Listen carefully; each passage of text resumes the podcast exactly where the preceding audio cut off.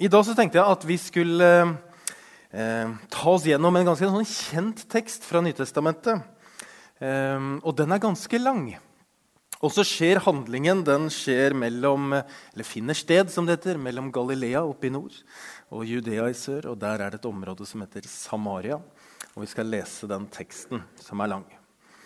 Jesus fikk nå vite hva fariseerne hadde hørt, at han vant flere disipler og døpte flere enn Johannes. Riktignok var det ikke Jesus selv som døpte, men disiplene hans. Da forlot han Judea og dro igjen til Galilea. Han måtte reise gjennom Samaria, og der kom han til en by som het Sykar, like ved det jordstykket Jakob ga sin sønn Josef. Der var Jakobskilden. Jesus var sliten etter vandringen, og han satte seg ned ved kilden. Det var omkring den sjette time. Da kommer en samaritansk kvinne for å hente vann, og Jesus sier til henne, 'La meg få drikke.' Disiplene hans var nå gått inn i byen for å kjøpe mat. Hun sier, 'Hvordan kan du som er jøde, be meg, en samaritansk kvinne, om å få drikke?' For jødene omgås ikke samaritanerne. Jesus svarte, 'Om du hadde kjent Guds gave og visst hvem det er som ber deg om å drikke,' 'da hadde du bedt ham, og han hadde gitt deg levende vann.' 'Herre', sa kvinnen, 'du har ikke noe å dra opp vannet med, og brønnen er dyp.' 'Hvor får du da det levende vannet fra?' Du er vel ikke større enn vår stamfar Jakob? Han ga oss brønnen, og både han og selv, sønnen hans og budskapen drakk av den. Jesus svarte, Den som drikker av dette vannet, blir tørst igjen, men den som drikker av det vannet jeg vil gi, skal aldri mer tørste. For det vannet jeg vil gi, blir i ham en kilde med vann som veller fram og gir evig liv. Kvinnen sier til ham, Herre, gi meg dette vannet så jeg ikke blir tørst igjen, og slipper å gå hit og hente opp vann. Da sa Jesus til henne, 'Gå og hent mannen din, og kom så hit.' 'Jeg har ingen mann', svarte kvinnen. 'Du har rett når du sier at du ikke har noen mann', sa Jesus. 'For du har hatt fem menn, og han du nå har, er ikke din mann.' 'Det du sier, er sant.' 'Herre, jeg ser at du er en profet', sa kvinnen. 'Våre fedre tilba Gud på dette fjellet, men dere sier at Jerusalem er stedet der en skal tilbe.' Jesus sier til henne, Tro meg, kvinne, den time er kommet da det verken er på dette fjellet eller i Jerusalem dere skal tilbe Far. Dere tilber det dere ikke kjenner, men vi tilber det vi kjenner, for frelsen kommer fra jødene. Men den time kommer, ja, den er nå, da de sanne tilbederne skal tilbe Far i ånd og sannhet. For slike tilbedere vil Far ha. Gud er ånd, og dem som tilber ham, må tilbe i ånd og sannhet. Jeg vet at Messias kommer, sier kvinnen. Messias er det samme som Kristus. Og Når han kommer, skal han fortelle oss alt.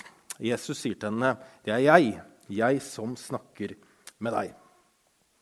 Dette er en historie som er eh, sånn relativt kjent i Nytestamentet. Og det er holdt veldig mange taler ut ifra den eh, talen der. Og de punktene de pleier å være man, altså når, man, når man lære om å holde en talen skal man helst ha tre punkter. Så det første punktet det pleier å være at Jesus er allerede der når kvinnen kommer til brønnen. Og Det betyr jo det at noen ganger så føles det som at vi må lete etter Jesus. Vi må gjøre mange ting for å finne ham. Altså Vi må be, og vi må lese i Bibelen og lytte etter hans stemme. Altså, Hvor er du hen når vi roper til deg? Men poenget i denne historien her er at Jesus er allerede der, ved brønnen. Han var der, og så er han her. Og Den samaritanske kvinnen hun var litt utstøtt og ensom. Eh, og Så gikk hun jo til brønnen når det ikke var andre mennesker der, altså midt på dagen når det var varmest. Og Jesus han var der. Punkt to, som, komme, som vi pleier å si, er at Jesus ser hvordan kvinnen har det. Han ser hvordan det har vært, og han ser hvordan det er akkurat nå. Han ser hennes innside, og ikke bare hennes ytterside og det, det hun har gjort, men han ser hele henne. Og det syns jeg er fint. At Jesus ser hele meg, ikke bare yttersida mi. Eh, og han vet også om min innside. Han vet alt.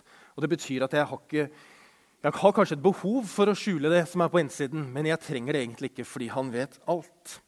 Det tredje punktet er at Jesus vil gi henne det levende vannet. Det som gir frelse og evig liv, på tross av hennes fortid. Og Det levende vannet er et symbol på Den hellige ånd som flytter inn i oss som tror på Jesus, som tar bolig i oss. Og Det betyr at Jesus vil gi deg og meg det vi trenger, uavhengig av vår fortid eller vår nåtid. Han er alt. Han gir oss da et levende vann som blir som en kilde, som kommer inn, og som går ut derfra. Det er det vanlige som vi pleier å utbrodere. Masse rundt det. Eh, og det men i tillegg da, har vi alltid et sånt fjerde punkt som vi drar opp. Eh, og det er at Jesus pleier å bryte eller ikke pleier, men han bryter alle kulturelle normer i denne historien. Eh, fordi de jødene de omgås ikke samaritanerne. Og Det pleier vi å bruke en del tid på å si om hvorfor. Fordi samaritanerne er et blandingsfolk osv. Og, så og de omgikk ikke disse, eh, dette folkeslaget her. I tillegg så snakker ikke jødiske menn med kvinner. Og det er i hvert fall ingen kvinner som snakker med jødiske menn alene. Nå tenker du så fint at du er ferdig. Det er kjempeflott. Det er veldig bra. Ehm, men vi kan si ganske mye om denne historien. Masse mer om det. Men det jeg hadde lyst til å si til deg i dag, er noe som står helt i starten. Ehm, og det er den setningen her. Han måtte reise gjennom Samaria. Det skriver Johannes. Og så har jeg lurt på måtte han det. Altså, Han kunne jo gått utenom. kunne han ikke det? Altså gått rundt. Det var jo mulig. Han måtte jo ikke gå gjennom. Han måtte, sier Johannes.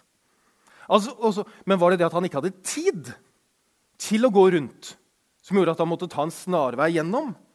Nei, Vi har ikke noen grunn til å tro det, egentlig. Og Ble han tvunget da, av de andre disiplene til å måtte gå gjennom Samaria. De sier at vi må akkurat ha sånn type gruppepress. Jeg har vært utsatt for et sånt gruppepress det siste, sånn at jeg har meldt meg på noe som heter Vox. Jeg vet ikke helt hva det er, men det er neste år. Og det er, det er liksom Jeg vet ikke helt hva det er, egentlig. Men det er bare et resultat av gruppepress.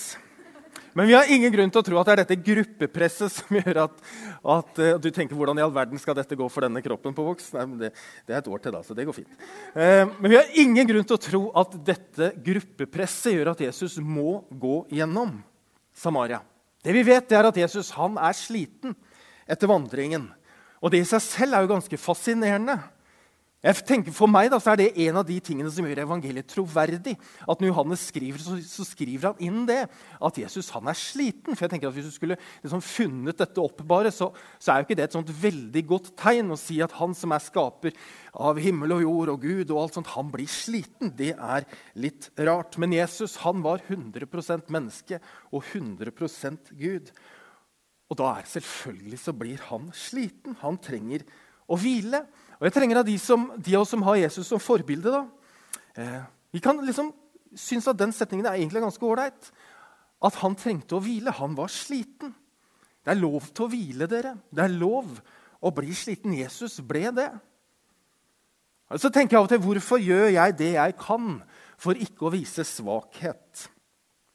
Og ikke å vise at jeg blir sliten. Det bruker jeg ganske mye energi på av og til. Hvorfor gjør man det? Er det å gjøre det samme som det Jesus gjorde. Og så har jeg tenkt, Er det egentlig en svakhet å vise at man blir sliten? Er det ikke sånn egentlig at det viser styrke? Jeg tenker egentlig at det skal mye styrke til for å våge å vise svakhet. Ikke for å få medlidenhet, men kanskje for å få forståelse. Men så står det altså at han måtte reise gjennom Samaria. Og Da tenker jeg at det er noe som driver han som gjør at han må gå gjennom. Og Personlig er jeg veldig lite glad i ordet 'må'. For det føles jo som et, at det er på en måte et krav om noe som jeg egentlig ikke vil, men som jeg burde. Altså, jeg må. Jeg må ta ut av oppvaskmaskinen hjemme. Jeg må søke refusjon fra Nav, og når du sitter i nettbanken, så må du taste KID-nummer, og du må gå til legen, kanskje. Du må bli foreldrerepresentant for skolen, for det er ingen andre som rekker opp hånden eller ser på den som har vært det på det tidspunktet som det skal velges. Du må stille i kiosken på kioskvakten, altså du må kjøpe. Og det er kanskje ikke så mye motstand mot å gå på shopping og kjøpe, men det må vi av og til. Og så tenker jeg, kan det å måtte noe være positivt. Går det da an å være drevet av noe som gjør at man bare må? Går det an? Man bare må, liksom. Nå På tirsdag så hadde vi møte med Misjonskirken Norge med fokus mot 2030. Da var det ganske mange folk inne i listua der. Hva er det vi i Misjonskirken Norge må? Hva er det vi i SMK er drevet av, som gjør at vi bare må. Hva er jeg drevet av som gjør at jeg bare må? En som heter Martin Luther King, han holdt en tale som er blitt kjent som verdens beste tale. Og I den talen så sier han 'I have a dream'. Han hadde jo holdt den mange ganger før. Og før dette viktige møtet her så satt han oppe til klokka fire på natten og skrev på en ny tale.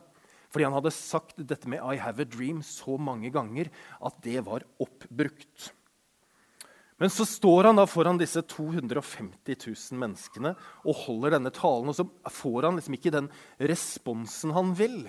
Og så sies det at det er en som heter Mahaila Jackson, som roper fra salen sånn Tell them about your dream. Og så setter han i gang, legger manuset til siden, og så snakker han om den drømmen han har. Han måtte si det, fordi han hadde et budskap som måtte frem. For to uker siden hadde vi besøk av Truls Åkerlund, som sto her og talte. Det er to uker siden, er det ikke det, Borge? Mm. Han leste jo Bibelen i friminuttet på videregående, han, uten å være flau. Han gikk gatelangs i byen på sånn gateevangelisering. Han har tatt doktorgrad i, i, teologi. Han har skrevet mange bøker og, og er en ettertrakta forkynner og foredragsholder. Han trenger jo ikke plante menighet, han. Men han må det.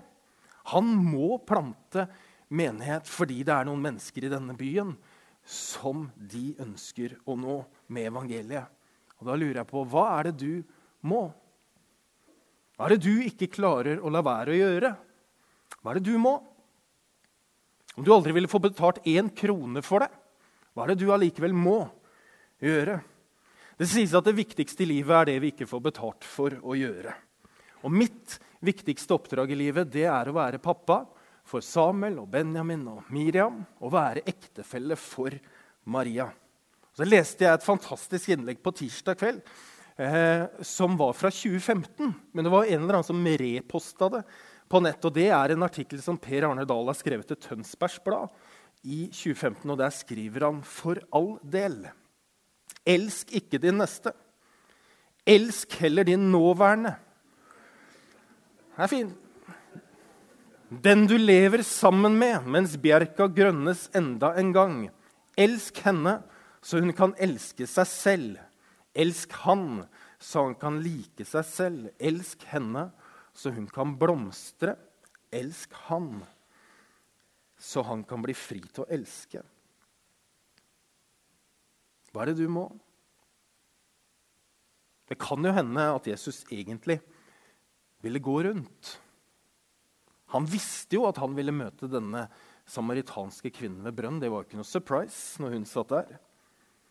Han visste det, men til tross for at han var sliten, så gikk han dit som han visste at hun var. Og da lurer jeg på en ting. Dersom vi alltid unngår å gjøre noe vi må fordi vi ikke vil, hvordan kan Gud da vise oss noen nye ting? For Jeg lurer på om det kan være sånn. Da sier jeg 'kan være sånn' at Gud leder oss til å gjøre ting som vi først har motstand mot, men som han vil at vi skal gjøre likevel. For det ligger noe foran her som han vil vise oss. Jeg har ett eksempel. Det er ganske banalt, men da blir det lett å forstå. Er dere ikke enig? Og til sommeren Og dette er ikke noe reklame for det som skjer til sommeren. Eh, men til sommeren så er jeg blitt spurt om å tale på Liv og Vekst, Misjonskirken Norges sommerfestival, på lørdag kveld. Altså lørdagen. Det er den dagen hvor vanligvis Egil Svartdal kommer, eller Øystein Gjerme kommer, eller Erik Andreassen eller Det har vært veldig mange som har talt flott på lørdagen, og i år så er det Unge Daland. Og det er jo da påmeldt 1500 mennesker. Det hadde jo vært det aller enkleste for min egen del å si nei. Eh, å ha fri, da! Fantastisk! Disse ukene fram til sommeren. Kunne kost meg på Liv og Vekst både tirsdag, onsdag, torsdag, fredag og lørdag fram til klokka seks uten å grue meg til det. Men av en eller annen grunn så sier jeg ja når det er så utrolig mye lettere å si nei. Det er kanskje vanskelig å forstå for deg Det innrømmer jeg, for det er litt vanskelig for meg sjøl å forstå. Men når jeg får et spørsmål som jeg ikke opplever at jeg har gjort noen ting selv for å få, så svarer jeg veldig ofte ja. Fordi jeg opplever at jeg må si det. Fordi jeg tror, og livet mitt til nå har vist, at når jeg får et sånt spørsmål, eh, og kjenner på dette draget i magen både å si ja, men det er mye lettere å si nei, eh, så er det som at Gud vil meg noe med det spørsmålet han stiller. Og så blir han større. Og jeg går jo ikke på scenen på Liv og vekst for å være kul, selv om jeg skal ha på ganske tighte bukser, som er mye tightere enn disse. Eh, men jeg går jo dit for jeg tror Gud vil bruke meg til noe i min enfoldighet. Og da er det noe jeg må. Sant? Det er et må. Så er det ikke alltid at vi skal si ja. Men jeg tror at eh, hvis du får et spørsmål hvor det enkleste svaret er nei, og du allikevel kjenner dette draget, så gå i hvert fall en runde med Gud og deg selv før du sier nei. Hva er det jeg må gjøre? Jeg sa at det viktigste i livet får jeg ikke betalt for å gjøre. Jeg får ikke betalt for å være sammen med familien min, men likevel så kommer jo de først for meg. Fordi hvis det, alt, hvis det skranter der, så blir det ikke spesielt bra her. Så håper jeg at uh, ektefellen din og familien din er det viktigste for deg. Faktisk mye viktigere enn deg selv. Jeg tenker I en tid som i hvert fall jeg lever i, i min boble, hvor uh, fokuset er på mine egne behov og, og uh, ja, lykkes og bli den beste versjonen av seg selv og karriere og stå opp for seg selv og alle disse tingene som du kjenner, og som ligger i ordet 'må', så lurer jeg på hva må du? For all del, elsk ikke de neste, elsk de nåværende, sier Per Arendal.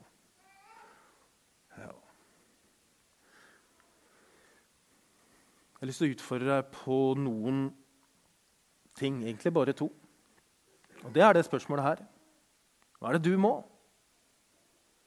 Hva er det i livet ditt som bare du kan gjøre, og som du bare må gjøre? Hva er det som er avhengig av deg? Hva er det du må gjøre? Og det neste er hvem i livet ditt er du en nøkkel for? Hvem i livet ditt, i med din tilstedeværelse, ditt nærvær, er bare avhengig av deg? Jeg har sagt til flere folk det siste halve året at nå syns jeg du skal la Skien misjonskirke være Skien misjonskirke. Og så skal du la det skipet gå. Og så er du hjemme med familien din og hjemme med de som betyr noe for deg. Og så er du det. For Skien misjonskirke er bare Skien misjonskirke. Mens du er superviktig for dine nærmeste. Det er det du må. Så Neste gang du får spørsmål om noe som du egentlig ikke har lyst til, kanskje, eller som du kjenner ja, litt lyst til, så ikke si nei på autopilot. Det kan hende at Gud utfordrer deg til noe som han vil at du skal vokse i og lære av, som du bare må. Jeg tenker at Det å vokse i modenhet dere, det vet jo dere som er så kloke, det handler ikke bare om hva vi har lyst til. Det handler om å gjøre og våge nye ting.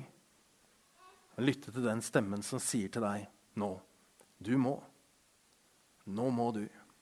Skal vi be en bønn for oss alle? Far i himmelen, takk for din uendelige nåde imot oss. Og hjelp oss, Herre, til å forstå det i eget liv. Hjelp oss til å vise nåde mot oss selv når vi ikke får det helt til. Og hjelp oss til å si nei når vi trenger å si nei. Og, hjelp oss til å si ja når vi kanskje aller helst vil si nei, men vi vet også at du og de rundt oss trenger at vi sier ja. Hjelp oss til å si ja til det som er det viktigste i livet. Hjelp oss til å prioritere rett. Og hjelp oss, Herre, til å finne ut hva vi må. Hjelp oss til det. Amen. Da skal vi feire nattvær sammen. Og da skal jeg flytte meg bare.